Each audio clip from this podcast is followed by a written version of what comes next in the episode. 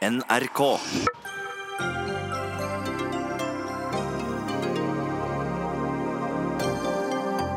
Valg i Afrikas viktigste land. Arven etter Mandela smuldrer bort, sier Afrika kjenner.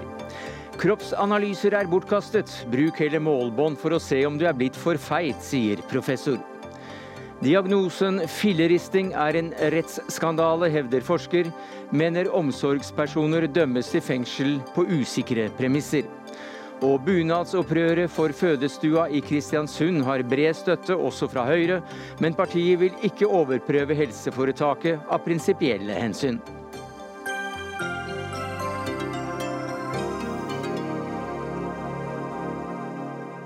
Det er noen av sakene i Dagsnytt 18 denne onsdagen, der vi også tar opp om kommunevåpenet i Narvik eh, ligner på en truse, og om Dagbladets litteraturanmelder mener at bøker om og av kvinner er mer lettvinte enn annen litteratur. Men vi begynner med det som i dag regnes som det viktigste landet i Afrika, ifølge lister over den slags. Landet har rundt 50 millioner innbyggere, hvorav ca. 27 millioner har kunnet gå til 22 925 stemmelokaler i dag. Dette er det første valget siden Zuma ble kastet, og Ramaphosa ble utnevnt til ny president for et drøyt år siden i Sør-Afrika. Og hvordan er stemningen i landets største by, Johannesburg, korrespondent i Ida Titlestad Dalbakk. Jo, folk har stått i kø her i hele dag. Jeg har vært i flere valglokaler her i eh, Johannesburg. Blant annet har vi vært der hvor Cyril Ramaphosa, presidenten i Sør-Afrika, var og stemte. Eh, I Soveto, der hvor han tidligere har bodd for mange år siden. Og der var folk eh, De jublet, og de var veldig positive når han ankom stemmelokalene der. men så var det også de som, som ikke vil stemme på han, IFF og Democratic Alliance og folk som, som, ikke er så sikre på at eh, ANC er eh, framtida. Eh, men det er i hvert fall stor spenning nå til valgresultatene som, som kommer utover natta. Og her som jeg står nå, så er vi på et stemmelokale som, stemmer, som stenger da klokka ni i kveld. Og her er det mange som har, som har møtt opp for å avgi sin stemme i dag. Hva sier de, de siste meningsmålingene?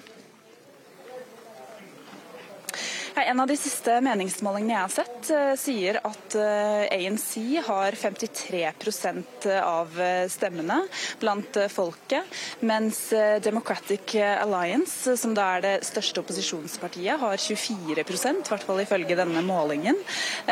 Mens Economic Freedom Fighters, som ledes av Malema, en tidligere avhopper av ANC, har 14% i denne meningsmålingen. Og så, ja, og så ser man jo også på denne meningsmålingen at eh, ANC faktisk eh, da har 9 eh, mindre enn under valget i 2014. Så det ser ut som partiet kan ha mindre oppslutning enn det de har hatt før. Hvilke saker er det som har preget denne valgkampen? En av de største sakene har vært korrupsjon. Dette er et stort eh, problem her i eh, Sør-Afrika, og noe som ANC har slitt med helt siden starten av. Og særlig under president Jacob Zuma, de ni årene han var president, så ble dette bare verre. Og nå har Cyril Ramaphosa prøvd å rydde opp, men det har han slitt med. Og det har vært en av de store sakene under valgkampen. Eh, her i Sør-Afrika har jo har det vært problemer med strømmen de siste månedene. Eh, fordi det er så mye korrupsjon i det statlig eide selskapet Eskom. Eh, så strømmen har rett og slett vært kutta eh, opptil åtte timer i døgnet. Og det er ganske alvorlig, fordi i 1994, da ANC tok over, så hadde landet rett og slett 50% overskudd av strøm. Så her er det noe som har gått galt. Så dette har vært en av de store sakene. Å prøve å bli kvitt korrupsjonen. Og så er det jo andre saker som arbeidsledighet ledighet f.eks. Takk til deg, Ida Titlestad Dahlbakk, vår Afrikakorrespondent, altså nå i Johannesburg. Stian Tvede Karlsen, du er vel da i Cape Town, tidligere høyremann fra Vestfold, nå stabssjef i nettopp Democratic Alliance i Western Cape, det største opposisjonspartiet som vi hørte. Eh, dere styrer bl.a. Johannesburg og, og Cape Town. Du hørte de siste meningsmålingene, hva syns du? Nei, altså hvis du hadde spurt meg for tre måneder siden, så tror jeg at jeg knapt hadde trodd på det. Altså, eh, de, som DA har slitt en del med interne saker de siste åres, to årene, egentlig. Og, og, ANC hadde jo fått en ny president som er veldig veldig populær og karismatisk. Eh, så at de skulle ligge så dårlig an på meningsmålinger så, så nært valget, det, det, er ganske overraskende. Så dere er positive til den siste. Men her og nå på, i programmet på P1 så sa du for akkurat tre minutter siden at dette også er en folkeavstemning. Hvordan begrunner du det? Nei, som, eh, som, Ida var inne på, så handler det mye om korrupsjon og om uh, hvordan veldig, veldig mange av uh, etatene og enhetene og bedriftene som er eid av staten, har blitt korrumpert, tatt over kontrollen via en veldig liten økonomisk elite som har tilknyttet ANC, som har et begrep som heter state capture. Og det er, det er, generelt en, stemning blant befolkningen at nok er nok. Uh, og så er da Den store folkeavstemningen handler mye om at de har fått en ny karismatisk leder som er ansett for å ikke være korrupt, som gjenstår å se. Men, men det er jo en slags folkeavstemning på hvorvidt han er noe de har tro på kan endre det, det, alle de problemene vi har. I tillegg til at Altså, for fem år siden så var Jacob Zuma en ekstremt upopulær president. Og allikevel fikk AZ over 62% og Når de da har en populær leder og ligger på 53% så er det veldig alvorlig. En som eh, var valgobservatør i landet allerede i 1994, ja det var deg Liv Tørres. Du er direktør nå ved Nobels fredssenter, men er her fordi du mm. kjenner landet veldig godt. Du jobbet tett med dagens ledere da du bodde i Sør-Afrika i sin tid. Hva kommer det av at et parti med en svært upopulær leder får 62% da ved forrige valg. Ved forrige valget, nei, det kan du se. Altså, mange stemte jo den gangen og oppga selv at de stemte av historiske grunner. Eh, gammel lojalitet i frigjøringsbevegelsen ANC. Og så sa mange også i spørreundersøkelser at det var mangel på andre alternativer. Eh, Democratic Alliance ble oppfattet av mange, og sånn er det fortsatt blant en del svarte, som et parti som hadde på en måte sine røtter blant de hvite. Dette var liksom opposisjonspartiet som satt i parlamentet eh, når hvite hersket i Sør-Afrika under apartheid. Så det blir blant mange, svart, eh, mange, svarte fortsatt sett som et hvitt parti. Så er det klart det har endret seg mye med ny leder fra 2015, Mai Mane, som også er en karismatisk eh, politiker og veldig dyktig. Og svart. Men, eh, ja, og svart. Men, eh, men, den gang så var det det som var liksom de viktige grunnene folk oppga for å stemme på ANC. De hadde ikke noe alternativer. Og de, de følte en lojalitet til ANC. Det har endret seg, begge disse faktorene. Nå, altså Jeg er enig i at dette langt på vei er en folkeavstemning for eller mot Siri. Det kan fungere, Ramaphosa, altså Dette kan fungere på to måter. Altså, jeg tror jo at ANC har mistet en del oppslutning i løpet av de siste årene. Definitivt pga. korrupsjon, høy arbeidsledighet, som er langt høyere enn de offisielle tallene. Det ligger omtrent på 40% 50% lever under fattigdomsgrensen osv. Så, videre. så det er, mye, det er mye frustrasjon eh, overfor ANC. Men folk har tross alt et håp til Cyril Ramaphosa. Og har mange en tro på at han kommer til å rydde opp. Og Det betyr også at en del grupper, tror jeg, som kanskje ikke har stemt på ANC tidligere, og som nå er livredde for at dette tredje partiet, Economic Freedom Fighters, at de skal få støtte, de går til ANC og Cyril Ramaphosa for å prøve å sette nå alle pengene sine på, på, ANC, i hvert fall en siste runde, for å gi Cyril Ramaphosa muligheten til å rydde opp. Men dette partiet, ANC, har også da regjert siden Mandelas dager og mm. 1994, da apartheid ble skuffet bort på historiens søppelplass. Mm. Eh, men Hva skjer den dagen partiet ikke får over 50 og også må, må, samarbeide eventuelt eh, med andre? En slags lakmustest for, lakmustest for et demokrati? Nei, altså Det er mange som er bekymret for at Economic Freedom Fighters skal få altfor stor oppslutning. Dette er et parti som ble etablert av tidligere lederen av ungdomspartiet i ANC, Julius Malema. Har mobilisert tungt blant svart ungdom spesielt helt. Og det er mange som er sinte. Altså, De har sittet og ventet i årevis på leveransene fra dette demokratiet de kjempet for, og foreldrene deres falt for. Og så har de ikke fått noen ting. Et misnøyeparti, populistisk, litt surrete marxistisk ja. ideologi. Mm. Og som Ja, de, de gir inntrykk av venstreradikal ideologi, men det er mye populisme, mye harde krav og uttalelser, og mange spørsmålstegn ved hvorvidt de ønsker faktisk å levere alt det de sier de skal for de fattige. Eh, dette er også partiet en, som har en leder som har støttet tidligere president i Zimbabwe, Mugabe når han i sin tid beslagla jord, landområder fra hvite, kastet hvite med betydelig eh, Støttet av betydelig vold, eh, kastet de ut av landet.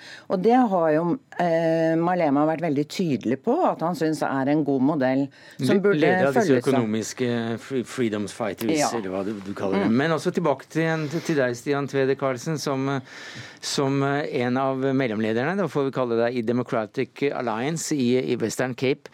Eh, hva er hovedskillelinjen mellom ANC og, og, dere, som da er det største opposisjonspartiet? Hvis du kan nå holde deg, glemme at du er politiker, og fortelle meg dette her i løpet av 30 sekunder. 30 sekunder, takk skal du ha.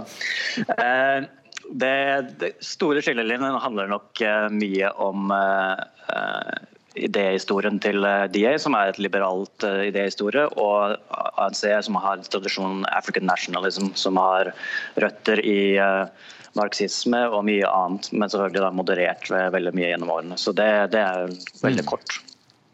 Ja, altså jeg må bare kommentere det. Jeg er enig i at den store forskjellen er historien her. Men det er ikke veldig mye marxisme igjen i partiprogrammet til ANC. Uh, og jeg tror liksom røtten og bakgrunnen er det viktigste skillelinjen her. Det er store likhetstrekk når det gjelder økonomisk politikk f.eks. Men eh, hva da hvis eh, også ANC kommer under 50% som det jo er en reell sjanse for, så lenge de har 53% på de siste meningsmålingene. Eh, vil de da gå til Democratic Alliance, eller vil de gå til, til venstre, til dette EFF som du har skissert er ganske tvilsomt parti hva demokratiet angår?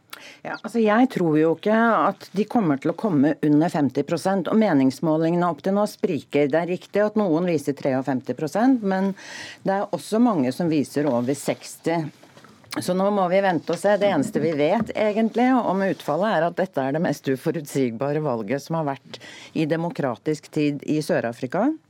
Hvis de skulle ende med å bli tvunget til en koalisjon, så tror jeg at eh, de kanskje kommer til å gå til Democratic Alliance.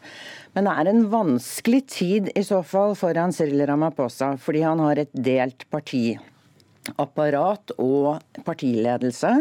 Halvparten av hans ledelse i ANC er fortsatt lojale til tidligere president mm. Zuma. Så dette blir en maktkamp også internt i ANC. Og dette får vi vite mer om de nærmeste timene, så følg med. Det er eh, antydet at selve resultatet blir klart om en ukes tid.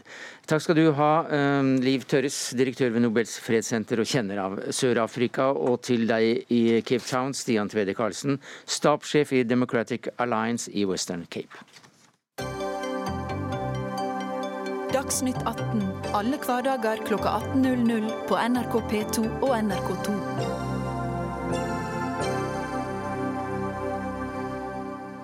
Filleristing av babyer, ja, det er det neste ganske så mørke tema i Dagsnytt 18 denne onsdagen. Det dreier seg om tilfeller der eh, små barn blir ristet så hardt av omsorgspersoner at de får alvorlige skader. Nå sås det tvil om det vitenskapelige grunnlaget bak diagnosen, som har fått rettslige konsekvenser. I rundt ti saker i året er det mistanke om filleristing. Ca. halvparten blir malt for rettssystemet. Og Knut Wester, du er professor emeritus i nevrokirurgi ved Universitetet i Bergen. I et innlegg i Aftenposten skriver du at denne diagnosen den er en rettsskandale. Hvorfor det? Ja, jeg hadde egentlig satt et spørsmålstegn. Etter, ja, da tar vi med det. Eh, men Aftenposten forandret det, antagelig etter å ha lest det, og fattet at det var et punktum. Eh, jeg vil bare si innledningsvis at jeg eh, sitter og ser på en svart skjerm som er fra et studio som tydeligvis ikke er i bruk, så jeg ser dere ikke. Men det skal vel gå bra. Jeg har da som nevrokirurg hatt ansvaret for barnenevrokirurgi i ganske lang tid. Men aldri vært involvert i slike saker. Før jeg ble pensjonist. Og Før dette så trodde jeg fullt og fast at filleristing var en skikkelig diagnose som var godt begrunnet, også vitenskapelig.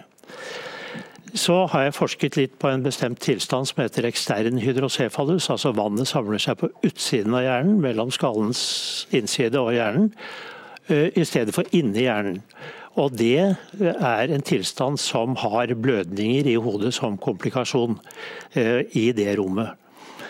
Eh, så ble jeg helt tilfeldig i en alder av nesten 74 år involvert i et kasus en bestemor som ringte meg og mente at sønnen ikke var filleristet. Så tenkte jeg det var en, var en tilfeldig feildiagnose. Og så gikk det et år, og så fikk jeg to tilfeller til hvor eh, diagnosen var stilt. Det var filleristing, og jeg så på det, og det fant jeg også lignet mm. mest på eh, ekstern hydrocefalus. Ja, for, for, jeg må bare avbryte deg litt, for I innlegget ditt så, så drar det fram at denne teorien det er en, det, Grunnlaget er to barn som, som, ble undersøkt og som danner grunnlag for hele teorien. og En svensk gjennomgang av 4000 saker konkluderer med at diagnosen ikke er holdbar. Ja, Det er litt over 1000 artikler de har gått gjennom, men antagelig flere tusen barn mm. til sammen i dette. Og Det er helt riktig, det var en britisk nevrokirurg som i 1971 satt og han hadde to spedbarn med blødninger i rommet mellom skallen og hjernens overflate. Og han fant ingen tegn til ytre skade på disse barna, og så filosoferte han, eller spekulerte han på, om de kanskje var ristet, at det var en slags whiplash-mekanisme som hadde ført til denne blødningen. Ikke noe mer enn en spekulasjon. Og så var det andre andre steder i verden som leste den artikkelen og tenkte oi, dette ligner jo på vår vårt tilfelle eller våre tilfelle. Så det er da også mm. sikkert filleristing. Vi må nesten til Arne Strahe Pedersen, du er rettsmedisiner, overlege og førsteamanuensis i rettsmedisin med Oslo universitetssykehus. Og hvor sikker er du på at filleristing er en virkelig ekte og god diagnose? Um, jeg har sett og vært borti såpass mange tilfeller hvor barn har, vært, um, har, alvorlige skader, og hvor det ikke er noen um, annen forklaring enn at barn har vært utsatt for noe i hjemmet. Så jeg tror at barn Jeg, jeg, jeg mener jeg har erfaring og tror at barn faktisk kan ristes, og at de ristes og det påfører alvorlige skader. Men når vi leser at eh, hele denne diagnosen baserer seg på en teori som igjen baserer seg på undersøkelse av bare to barn, eh, så er det vel lett å, å tro at kanskje diagnosen ikke er tilstrekkelig?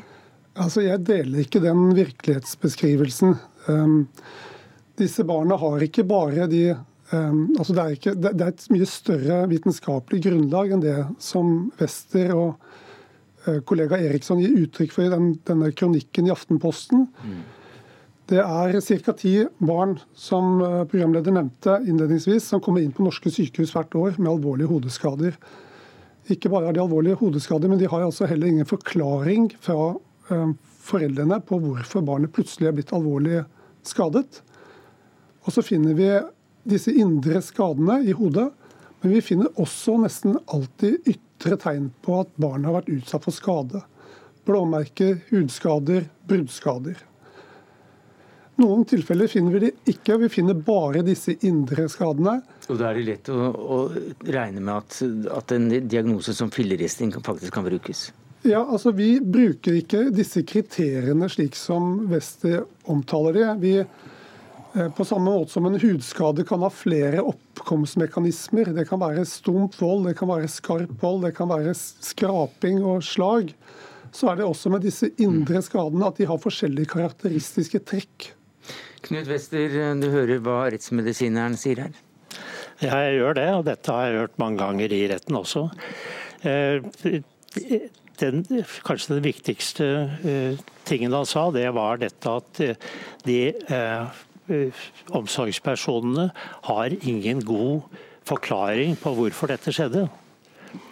Og Det er klart, det finnes ingen traumesykehistorie hvis dette er en tilstand som er spontant oppstått uten traume. Og det er det jeg tror eh, og er temmelig sikker på. Jeg benekter ikke at det finnes voldelige hodeskader på barn. Eh, utført av eh, foreldre eller andre omsorgspersoner. Men det er i de tilfellene hvor det ikke finnes noen tegn til skade, og hvor allikevel denne såkalte triaden, disse tre funnene, nemlig blødninger under den hårde hjernehinne, blødninger i øyenbunnen og en hjerneskade. Eh, de, altså min erfaring er at når de er til stede, eller nødvendigvis ikke hjerneskade, bare blødninger i øyenbunnen og hunden, mm. så blir diagnosen eh, eh, barnemishandling eller filleristing. Mm. Og så hevder da de sakkyndige eh, og det er de samme sakkyndige som går igjen i alle saker i Norge. De hevder at eh, eh, når det ikke er en plausibel sykehistorie med traume, så må, det være, mm. så må de lyve. Hva sier du til det som rettsmedisiner, Stray Pedersen? Altså, Som rettsmedisiner så er det min største frykt å, å bidra til justismord. Eh, og bruke ikke oppdatert kunnskap som grunnlag for vurderingene. Um, og det, uh, det, er ikke inntrykk, det er ikke mitt um, inntrykk av at vi har gjort det i disse sakene. Det er ikke slik at vi, vi, når disse konklusjonene med letthet. Barnet utredes på alle måter. Og Jeg er ganske stolt av det norske systemet, hvor vi faktisk utreder i månedsvis. Med all tanke på alle mulige andre årsaker. Det er jo slik mm. at Den alternative forklaringen den må jo også sannsynliggjøres.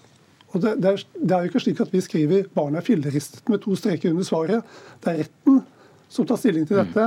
Men de, de legger seg da tett inntil ofte hva spesialistene i i saksfeltet mener, da. Ja, men det, Vårt viktigste anliggende er å se om er dette påførte skader. Mm. Eh, ja. Mia Myhre, du har sittet nå som overlege ved barneintensiven på Ullevål. Du er seniorforsker ved Nasjonalt kunnskapssenter om vold og traumatisk stress, og hørt på, på, denne meningsbrytningen om denne diagnosen. Og du er på en måte praktikeren her, da, som har undersøkt mange barn med denne type hodeskader. Hvorfor er disse sakene så vanskelige? Eh, de er alvorlige, og de har alvorlige konsekvenser for de involverte. Eh, først må vi ta vare på de ofte kritisk syke barna.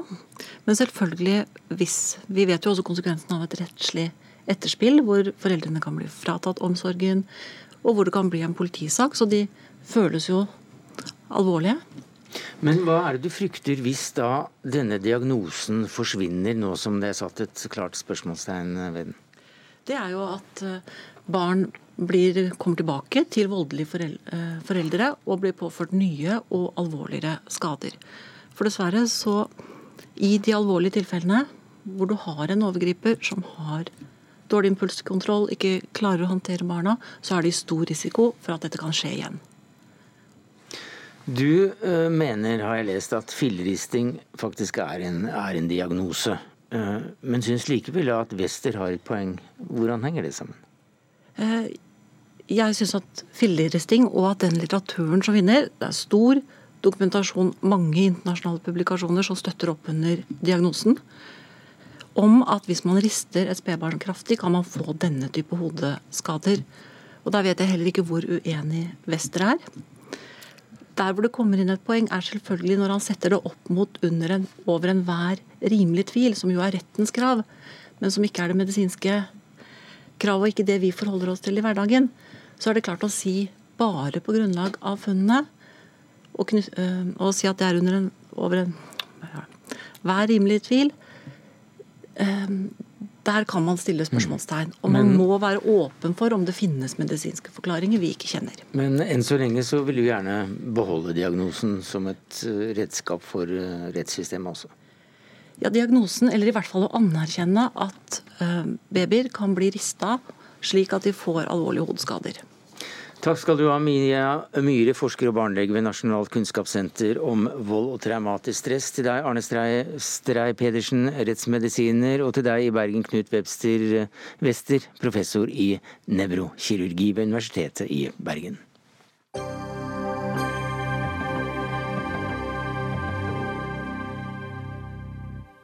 I helgen trillet Dagbladets litteraturanmelder en femmer på terningen for Shazia Mashids bok 'Ut av skyggene'. Den handler om innvandrerkvinner i eh, Norge, og deres reise da, mot et eh, mer likestilt liv.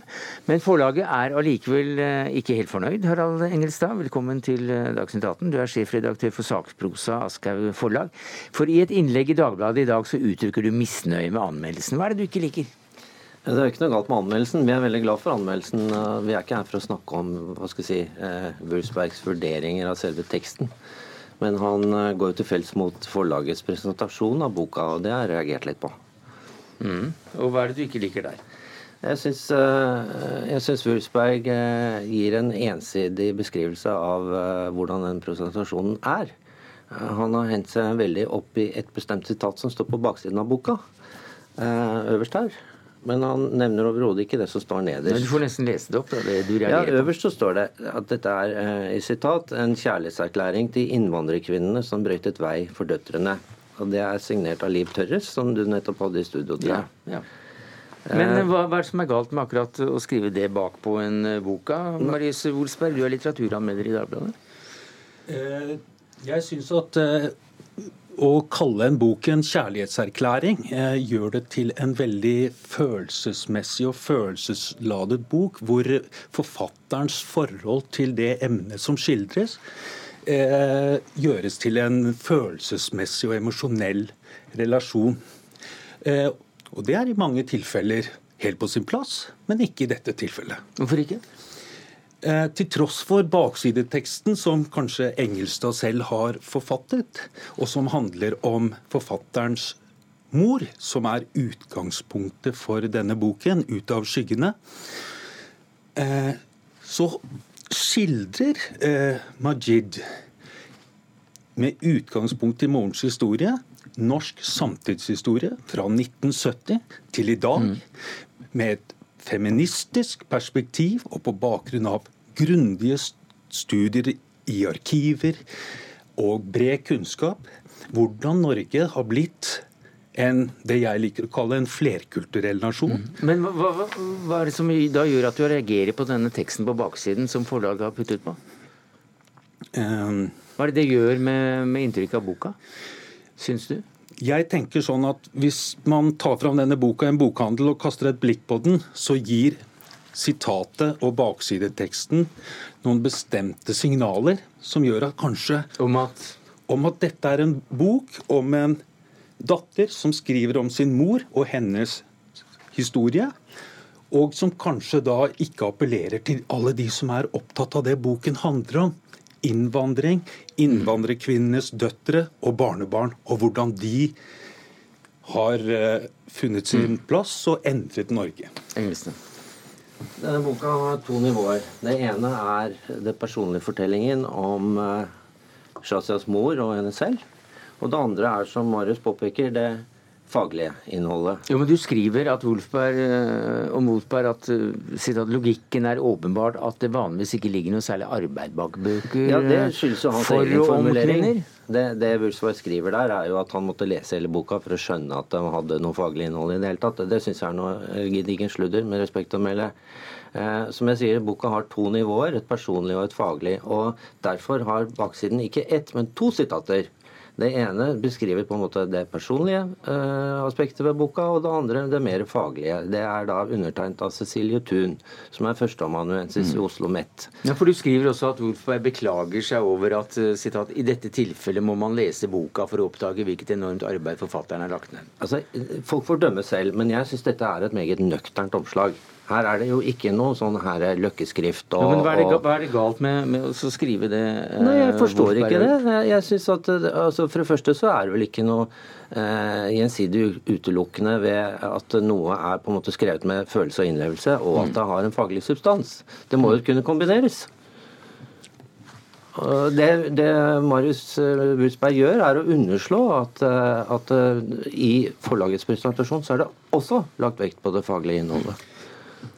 Svaret til det er at eh, det er ikke lagt vekt på det, verken i baksideteksten eller eh, når man begynner å åpne boken, altså, og det, Jeg klandrer selvfølgelig ingen forfatter for å til... Eh, altså, til forskjell fra omslagsteksten, så er jo en tilegnelse forfatterens egen. Og en forfatter har Det er god grunn til å tilegne denne boken hennes mor, for all del. Men da har man fått liksom noen signaler. Én at det er en kjærlighetserklæring. To at det handler om moren. Tre at den er tilegnet moren fra datteren. Og så, men da må vi ta med fire, fem og seks, Marius. Jo, men så begynner... Dette er fortellingen om en blind flekk i norsk historie. Dette er kvinnenes fortelling fra innsiden av patriarkatet. Ja, men det, det, det står i baksideteksten. Jo, men likevel, hvis du starter Cecilie Thun sier boka gir et innblikk i innvandringserfaringer mm. og det å vokse opp som barn av innvandrere, og det synliggjør en viktig del av mm. nyere norsk historie. Man kan godt åpne boken og begynne å lese innbredtekstene. Jeg syns at forlaget skulle ha frontet, ved siden av at det er en fortelling om en, eh, av en datter om en mor, at dette er også viktig norsk historie. Resultatet av bred, et bredt tilfang av avisartikler og forskningsartikler. Istedenfor å legge, gjøre forskere, liksom, at sitere forskere som liksom skal gå god for det. Det ville man ikke ha gjort, tror jeg, hvis det hadde vært en mannlig forfatter. Det er jo forskere som går god for dette her. Liv Tørres har doktorgrad i statsvitenskap. Jo, men hun, ja, hun har akkurat gått ut av studio som ja, Afrika-ekspert. Men, men, men et øyeblikk, jeg må, bare, jeg må bare si hva jeg syns eh, var det viktigste poenget ditt akkurat i den siste setningen du sa, nemlig at dette ville ikke forlaget gjort med en mannlig forfatter. Hva var det ikke ville gjort? Dere ville ikke Hvis en mannlig forfatter hadde ønsket å dedisere boka til moren sin, så hadde de ikke nektet han det. Jeg har ikke store, noen innvendinger mot dedikasjonen. Jeg tror at hvis det hadde vært en eh, mannlig VG-journalist som hadde skrevet om dette, så hadde dere ikke trengt Liv Tørres og Cecilie Thun-sitatene. Da hadde forlaget selv i, i, sine redaksjonelle tekster presentert og kort og fyndig og slagferdig hvilket enormt forsknings- og researcharbeid som mm. ligger til grunn for denne boken. Men og det synes jeg... ingen andre anmeldere har hatt noen problemer med å løfte fram det aspektet. og Du gjør det selv også.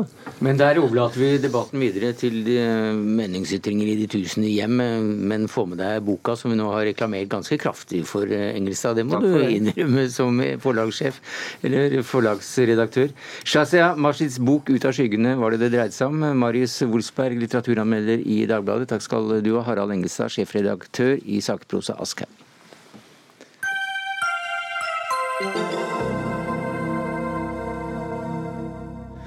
Kommuner har eh, kommunevåpen. Hva skjer når kommunene slås sammen, mer eller mindre frivillig? Jo, da kan også den debatten rase, slik den gjør flere steder i landet. Og vi skal høre om den feiden med størst eh, knisefaktor, nemlig kommunevåpenet til storkommunen Narvik. Det skal forestille fjellet Stetin, men som eh, mange lokale har oppdaget, så ser det også ut som en truse dersom man snur det på hodet. Andre sammenligner det med en bleiereklame. Og Trond Harry Millerjord, du er tidligere varaordfører i Narvik og er blant dem som reagerer. Hva synes du om designet? Nei, altså, Jeg synes det er direkte skivebom med, med, tanke på et nytt kommunevåpen for Bandøen eh, og havnebyen Narvik. Det synes jeg. Ja, Hvorfor det? Nei, fordi at eh, Narvik er en, eh, det er en forholdsvis ung by som, kom, som ble etablert i 1902. og Kommunevåpenet har vi hatt siden da. Kommunevåpenet ankeret er kjent over den ganske verden via, havne, via havnerelatert virksomhet fra Narvik med, med malmskipninger. Og det er ikke minst krigshistorien. Det er delt ut mange braketter og det er delt ut mange eh, ting fra Narvik kommune med ordentlig. Uh, det er som jeg sier, på verdensbasis. At man plutselig skal kutte det her. Vi skal få med to småkommuner med 1500-2000 innbyggere. Det syns jeg blir direkte feil. Mm. Men eh, det som, også, det som, også, det reageres på, det er jo hva slags design som er kommet i, i stedet for da, dette ankeret. Nemlig en, eh, en eh, et forsøk på å tegne et stilisert bilde av nasjonalfjellet Stetin 1391 meter høyt. Men, men, det ligner altså da på en truse, eller hva sier du? Ja, Det er det folk er opptatt av. Det har jo ingenting med, med profil på Stetin å gjøre i det hele tatt. Det er en konstruert uh, sak som er laga som er laga nå av, et designfirma. Og det er jo, Jeg syns det er direkte uheldig for Stetin, som er nasjonalfjell, som er virkelig flott fjell. Men det designet som lager der, det, altså det blir helt skivebom. Vi har litt dårlig forbindelse Vi har litt dårlig forbindelse der, så jeg må nesten avbryte og ta inn Per Kristian Arntzen. Du er ordfører i Ballangen, altså en av de kommunene som nå er slått sammen. Da. Som i likhet med Tysfjord eh, er sammen med Narvik nå. Hva sier du til denne kritikken om, om truser og, og, bleier og slikt?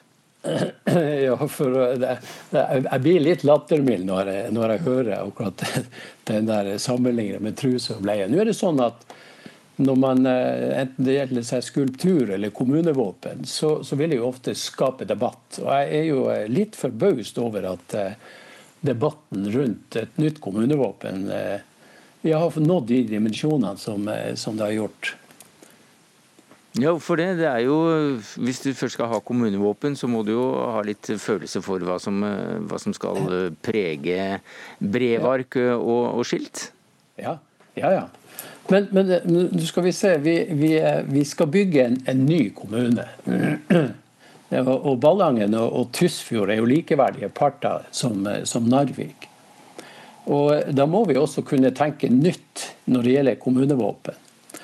Og nå er det sånn at uh, Man kan ikke ta et bilde ut av Stetin og så plassere det på uh, et kommunevåpen. Det er strenge krav til utforminger av et kommunevåpen. Og De spillereglene er fulgt av den komiteen som har, har jobba og jobba frem det kommunevåpenet som vi har fått presentert nå. Nå var det riktignok i, i går presentert, så, eh, så, det er jo rimelig ferskt for oss òg. Men, men, jeg syns det er helt greit. Nå må vi, nå må vi ha evne til å tenke nytt. Ja. Syns du det ligner på en truse? Eller bleie? Ja, hvis fantasien skal lov å, å, å stikke av, så, så, kan man jo finne mye rart i sånt. Men, men, jeg tror ærlig talt så tror jeg ikke om det står på et brevark eller hvilken eh, sammenheng man skal bruke det nye kommunevåpenet. Så, så tror jeg ikke at, eh, at, folk vil forbinde det med verken med truse eller, eller bleie. Der må vi, tror jeg vi må rett og slett si takk skal dere ha. Ja. Linja opp til eh, deg i eh, Narvik var forholdsvis dårlig, men eh, takk skal du ha, Trond Harry Miljord, tidligere varaordfører i Narvik, og Per Kristian Arnsen, ordfører i Ballangen. Hør Dagsnytt 18 når du vil. Radio NRK Radio.nrk.no.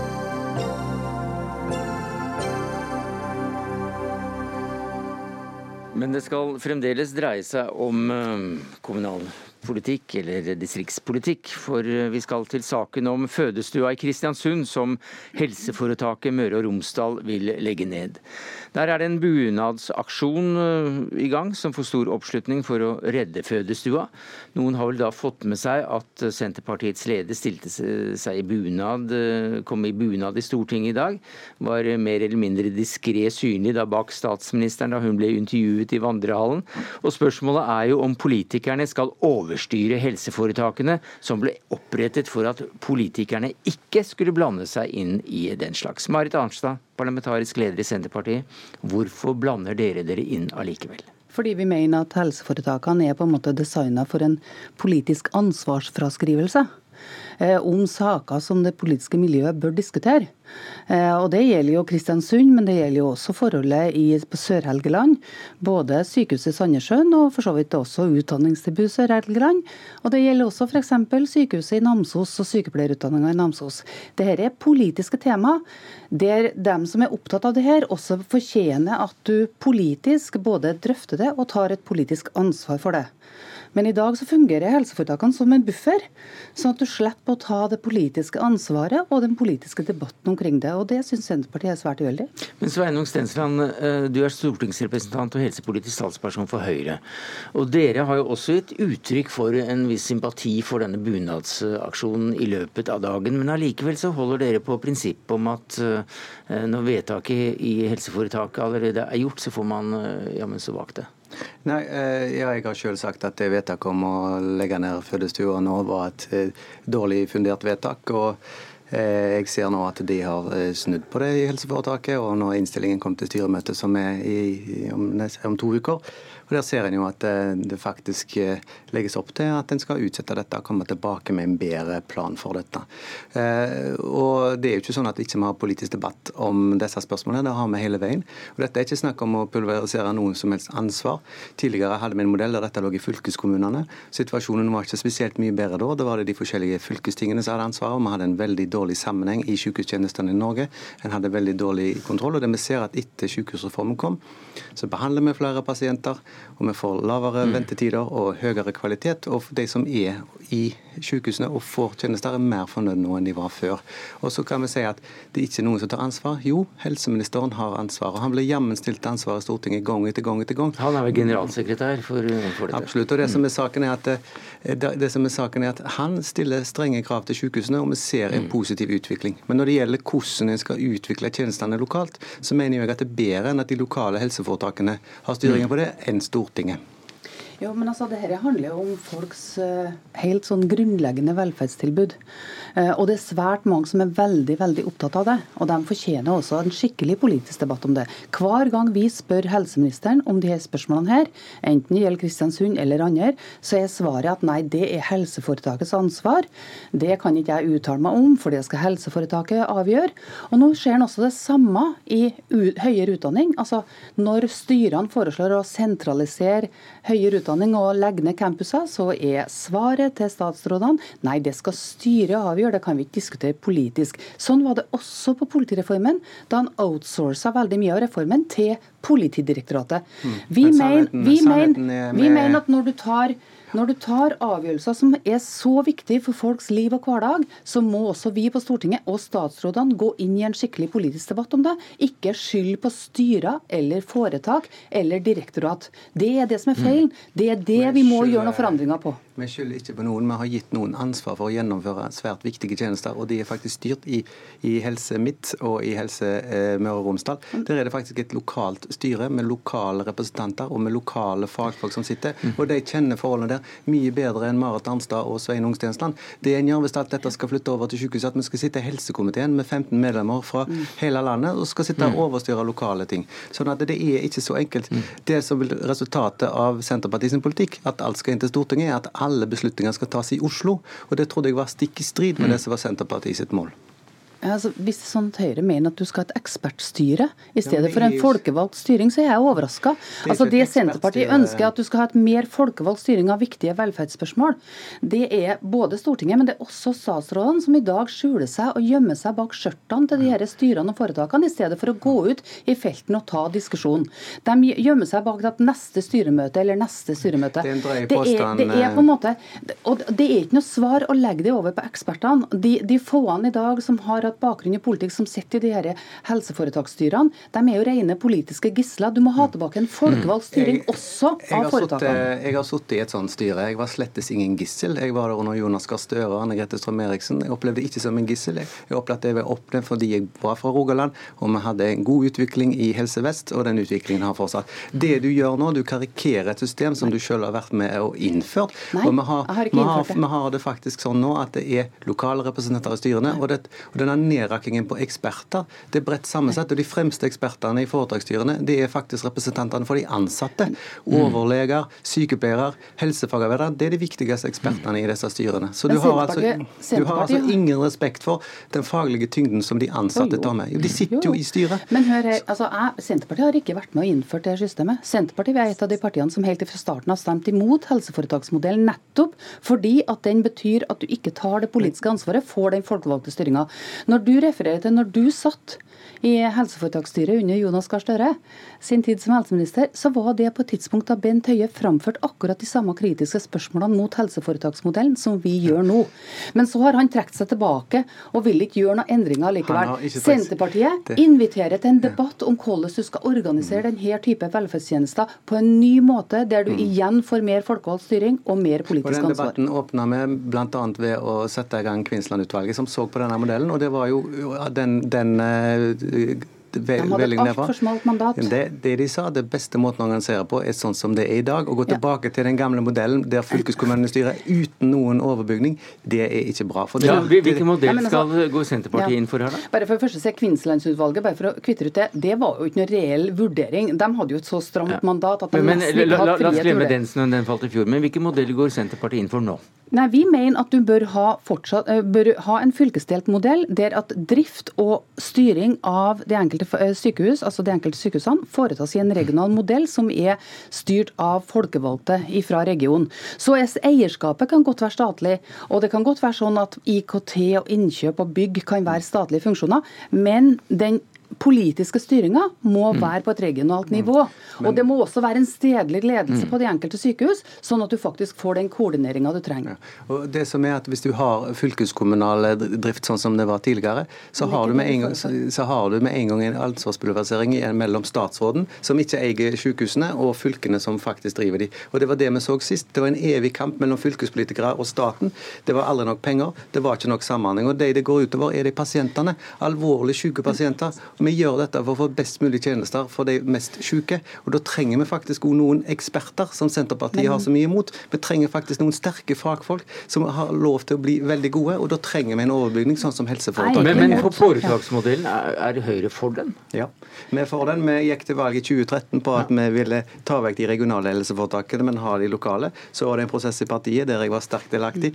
Og nå står det i vårt program at vi ønsker å ha dagens modell, men den har ikke vært statisk. Og det er feil at disse styrene bare består av eksperter. Det er feil at ikke de er lokalt eh, oppnevnte. Det er mange lokale i alle disse styrene her, og en tar opp i seg de debattene som er, og det ser man nå i Kristiansund. En har utsatt det vedtaket som kom. En har skifta ut direktøren i Helse Møre og Romsdal. Ting skjer, og det er en styring. Hvis alt dette skal gjennom, gå gjennom Stortinget, så kommer ting til å gå mye senere og mye mindre tilpassa de behovene behovene som finnes. Eivind Smith, vi må til deg som professor ved Institutt for offentlig rett ved Universitetet i Oslo. Du har sittet og, og hørt på denne debatten mellom stortingspolitikerne her. Hvilke prinsipielle spørsmål er det dette reiser?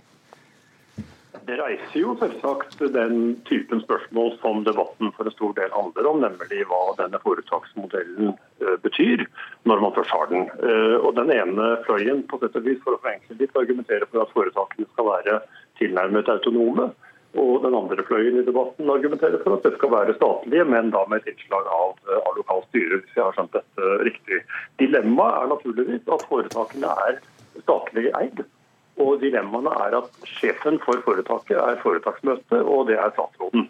Og statsråden har parlamentarisk ansvar, eh, hvilket selvsagt åpner veien for den som så ønsker. Og det kan være grunner for og imot det, for Stortinget til å anmode i hvert fall eh, regjeringen, vedkommende statsråd, om å opptre på den og den måte. Og i så fall da statsråden måtte bestemme seg for om dette er noe han eller hun ønsker å følge opp, eller ikke følge opp. Så Det er altså ikke en ren modell. Man har ikke delegert det fullstendig ut. og Det kan man jo heller ikke gjøre, det bør heller ikke gjøre så lenge dette er et statlig offentlig ansvar. Og Da ender vi hele tiden opp i den typen diskusjoner hvor man egentlig har formelle styringssignaler av den typen som det nå kan være aktuelt å, å gi, eller i hvert fall stadig diskusjoner om hvorvidt statsråden likevel har lagt seg opp i styringen på en eller annen måte. Altså En uklarhet som man ikke slipper unna, og det kan igjen gi grunnlag synes jeg, for å diskutere om modellen alt i alt er liv laga. Men Ja. eh, jeg skal ikke avgjøre det. Nei, det skal du ikke avgjøre. Det skulle tatt seg ut. Men, eh, men som, eh, som professor i, i den slags, så kan du jo si din mening ganske kort. For det, vi har litt dårlig lyd på den linjen din. Er dette en, er dette en brukbar modell? Er den liv laga? Altså Det må være lokale og regionale innslag. Det er det så vidt jeg skjønner full enighet om i ditt eh, studio. Eh, og Det er vi jo enige om alle sammen. Og Da reduseres debatten på sett og vis til et spørsmål om hvor sterk styret skal ha overordnet på dette her. Og man trenger en nasjonal koordinering, skulle jeg, skulle jeg mene. Og på sett og vis også den muligheten i dagens modell gjennom statsrådens status som øverste sjef for hvert av disse foretakene. Takk skal du ha, Smith. Vi må nesten høre hva deltakerne i studio sier her, ganske kort. Marit Arnstad. Jo, men jeg mener at det er en viktig dimensjon i det her at modellen sånn som den er i dag, brukes som en politisk ansvarsfraskrivelse for, å være, for en statsråd å ikke diskutere viktige tema. Er To korte eksempel. Det ene er fødetilbudet. Stortinget sa i fjor vår at en ikke skulle redusere fødetilbudet mer i Norge, landet Norge. Allikevel har vi nå de diskusjonene både i Kristiansund, vi har den diskusjonen i Sandnessjøen, vi kan komme til å få den i Namsos. På tross av det Stortinget har sagt. Det er fordi statsråden ikke kan styre helseforetakene. Eksempel nummer to, ambulansetjenesten. Veldig mange av oss på Stortinget er veldig opptatt av hva som skjer med ambulansetjenesten og sentralisering av den, men det er overlatt til helseforetaket, og statsråden vil ikke gå inn i en diskusjon med oss omkring det. Men dette er altså først av alt statsråden kan styre, og statsråden styrer. Det gjør han gjennom eh, foretaksmøtet, som er generalforsamlingen. og Der ser alle at i der er det gis det mange styresignaler på hvordan dette skal gjøres. Og Det at vi gjemmer oss, det er ganske absurd å si. I går så var statsministeren på Helgeland, eller i går og i forgårs var hun i Helgeland og i Nord-Trøndelag, og møtte folk, møtte folk i bunad. Ikke redd i det hele tatt. Bent Høie har vært rundt overalt. Han har til og med sagt fakkeltogene kan komme til meg, det er jeg som har ansvaret. Så her karikerer en modellen og en, sier at dette, det er ikke snakk om å skyve noen foran. Det er dette, dette er et bredt flertall på Stortinget som ønsker denne styringsmodellen. Den fungerer fordi pasientene får bedre tjenester, kvaliteten øker, og vi har mer kontroll enn når fylkeskommunene hadde ansvaret. Takk skal du ha, Sveinung Stensland, stortingsrepresentant, helsepolitisk talsperson i Høyre. Marit Arnstad, parlamentarisk leder i Senterpartiet.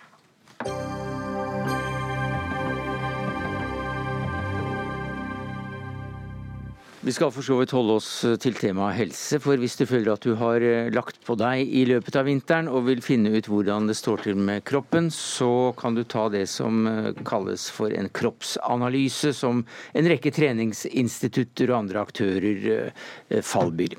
Du stiller deg opp på en maskin, og så sender svak strøm eh, gjennom kroppen din. Du får beregnet hvor stor del av deg som er muskler, og hvor stor del som er fett, og også hva som da er din fysiologiske alder. Jorunn Sundgodt eh, Borgen, du er professor ved Norges idrettshøgskole, og du er skeptisk til disse testene. Hvorfor det? Ja, jeg er skeptisk til det når du sier at enkeltpersoner som lurer på om de er overvektige, kan gå og få en slik kroppsanalyse. Jeg mener jo at eh, man like godt kan ta frem målbåndet og måle liv vidde. Og Da er det noen sånne grenseverdier hvor du som kvinne, hvis du har over 88 cm, eller mann 102 cm, så er det en klar indikasjon på at du har en for stor andel med fettmasse. Og det aller beste er å gå til legen og ta en blodprøve og se på blodverdiene dine om det er indikasjoner for at du bør gjøre en livsstilsendring. Så disse testene er bortkasta? Jeg syns det er bortkastet i de fleste sammenheng, og spesielt for enkeltpersoner. Og det er ikke bare det at det er bortkastet, men jeg er engstelig for den måten det blir brukt på nå. Jeg mener at det kan føre til uhelse og alvorlig uhelse. Og det er flere grunner. For det første så er disse maskinene unøyaktige. Så du får ikke nødvendigvis et riktig svar på den kroppssammensetningen. En annen ting som er enda verre, er at mange av de som utfører testene, lar folk komme og ta testene, har ikke den faglige kunnskapen som skal til. Verken for å vurdere hvem som bør ta testen, vurdere resultatene eller gi noen form for oppfølging.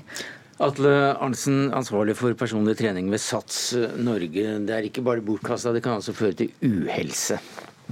Ja. Eh, for det første så er jeg enig med, med Jorunn Sundgodt Borgen om at dette her er ikke nødvendig at man tar en test på den maskinen som vi bruker som heter InBody. Men eh, vi, vi ser at veldig mange er interessert i å få vite hvordan kroppssammensetningen ser ut. Heldigvis så har vi gått bort fra dette med BMI, som er et veldig unøyaktig mål i forhold til individ. Men da at man da ser på mengde fettmasse, mengde muskelmasse, og hvor man har mer muskler, hvor man har mindre muskler. Sånn at våre medlemmer og de som, som vi tar disse testene på, de eh, blir veldig motiverte av å se hvordan det står til. Og så er det viktig å presisere at eh, enhver test bør etterfølges av en konsultasjon hvor man går gjennom resultatene mm. og forklarer hvordan dette her men eh, står til. Men du hører kritikken gikk også på at de er veldig unøyaktige, og det har vi jo uh, KK som, som har en artikkelserie på dette her. De sendte jo en journalist av gårde, og, og hun fikk jo veldig sprikende Det var nesten 50% sprik i hvor mye fett hun hadde i kroppen rent eh, prosentvis. Og unøyaktighet, og du får også kritikk for at det ikke er utlært faglig personal som står bak. Mm. Jeg mener det er livsfarlig. mener det kan forsvares og absolutt ha sin plass hvis du har en pasient eller klient eller en som trener for å bli bedre i en idrett, så kan du bruke dette apparatet hvis du standardiserer det, gjør på samme måte hver gang. Hvis du er ute etter å se om det har effekt, den intervensjonen eller det treningsopplegget og endringen av kosthold som du gjør, om du oppnår det målet som gjerne er ved en sånn livsstilsintervensjon, at du skal beholde eller øke fettfri kroppsmasse, og så skal du redusere fettmassen. Og Hvis det da er kyndig personell som følger denne personen, så er dette glimrende. Og Det brukes også i, i forskningsøyemed. Men risikoen er disse jentene på 19 år og 21 år som bare skal se hvor mye fett de har på kroppen og fettprosenten og sammenligne seg venninna, får en utskrift som forteller at du er 10 kilo for mye, det må du gå ned. Det er livsfarlig. Eh, for det første så er jo denne InBody-maskinen den eh, har jo vist seg gjennom masse, masse forskning at den er veldig veldig nøyaktig. og Grunnen til at eh, journalisten du refererer til fikk veldig forskjellige resultater, var at hun brukte da to forskjellige ulike instrumenter. Uh, og så vet jeg veldig lite om hvilken testprotokoll som ble gjennomført i akkurat dette mm. tilfellet her. Men, Men, jenter som kommer ja. for å måle fettet og, mm. og måler seg opp mot venninner og slik, de får vite at mm. de er ti kilo for, for, ja, for, mye fett. da. Livsfarlig, sier professoren. Uh, altså, dette her må jo ses i sammenheng med en helhetssituasjon. og Det er nettopp disse samtalene her våre persontrenere blir trent opp til. og Det er å se dette her i henhold til et helseperspektiv og prøver å få fokuset nettopp vekk fra det ytre, eh, som da veldig mange er opptatt av, og heller mer på indre motivasjon og treningsglede. Hvis vi visste at det var personer med fagkompetanse som gjorde disse vurderingene og eh, formidlet resultatene og fulgte opp videre, så vil jeg synes at det kunne vært OK, selv om det er med på å øke fokus på, på, det kroppspresset som er fra før. Men da ville det vært forsvarlig å gjøre det. Men vi vet dessverre at altfor mange av de som er ansatt på mm. treningssentre rundt omkring, har ikke den nødvendige faglige kompetansen. Og det er ikke bare at maskinene er unøyaktige. Altså hvis en, en jente kommer og måler seg en formiddag på et treningssenter eh, på en torsdag, og så måler hun seg på morgenen tre uker senere på samme maskin. Og da er hun midt i menstruasjonssyklusen sin. Da får hun helt andre verdier. Så det er mange forhold man må ta hensyn til for i det hele tatt å få en utskrift som er rimelig nøyaktig. Og det er jeg helt enig i. Eh, vi eh, Spør dere om de har menstruasjon? Der er en helt klar altså Vi er nok ikke så private sånn direkte, men, men i forhold til Det kan skille mange kilo, det. Absolutt. De og, og, sånne ting er jo med på å påvirke resultatene. Definitivt. Og, men det fanger ikke systemet ditt opp? Eh, jo, altså Vi spør om det er noen spesielle hensyn å, å ivareta her. og Vi har en helt klar testprotokoll som viser bl.a. at hvis man er under menstruasjon, så bør man da ikke ta testen i det hele tatt, faktisk. Så der vil vår opplæring ta høyde for akkurat det. Og når det gjelder InBodies eh, nøyaktighet, så har jo NIH bare eh, i fjor brukt den maskinen ved, ved tre ulike tilfeller. Sånn at NIH i hvert fall syns at den er hvert fall til å stole på. Men jeg falt litt for, for Jorunn Sundgodt Borgen Borgens uh, tese om at bruk, bruk Bruk hele målbånd. Og, det er helt gratis. Hva, hva, sier du som, som, trener og personlig coacher og fagmann på det? Du vet hva, Det kan man selvfølgelig også bruke, og det var tross alt det vi gjorde før denne maskinen kom på banen. Eh, sånn at det, Der er vi enige. Og så syns jeg det er bra å sette fokus på kompetanse i treningsbransjen. For at jeg er veldig enig i at det må være kompetente mm. mennesker. Det, Men brukt på den riktige måten, så er det ikke så gærent, altså? Da er det ikke så gærent, og jeg vil absolutt anbefale det hvis du skal se på effekten av et treningsregime for å se om du øker det du ønsker å øke, og reduserer det du ønsker å redusere. Men da må det være kyndige mm. folk der. Takk skal du ha, Jorunn Sundgodt Borgen, professor seksjon for idrettsmedisinske fag ved Norges idrettshøgskole. Atle Arntzen, ansvarlig for personlig trening ved SATS. Det var det vi rakk i Dagsnytt 18 denne onsdagen, takket være ansvarlig for det hele Simon Skjelbostad Yseth. Det tekniske ansvaret hadde Erik Sandbråten, jeg heter Sverre Tom Radøy. Vi høres igjen i morgen.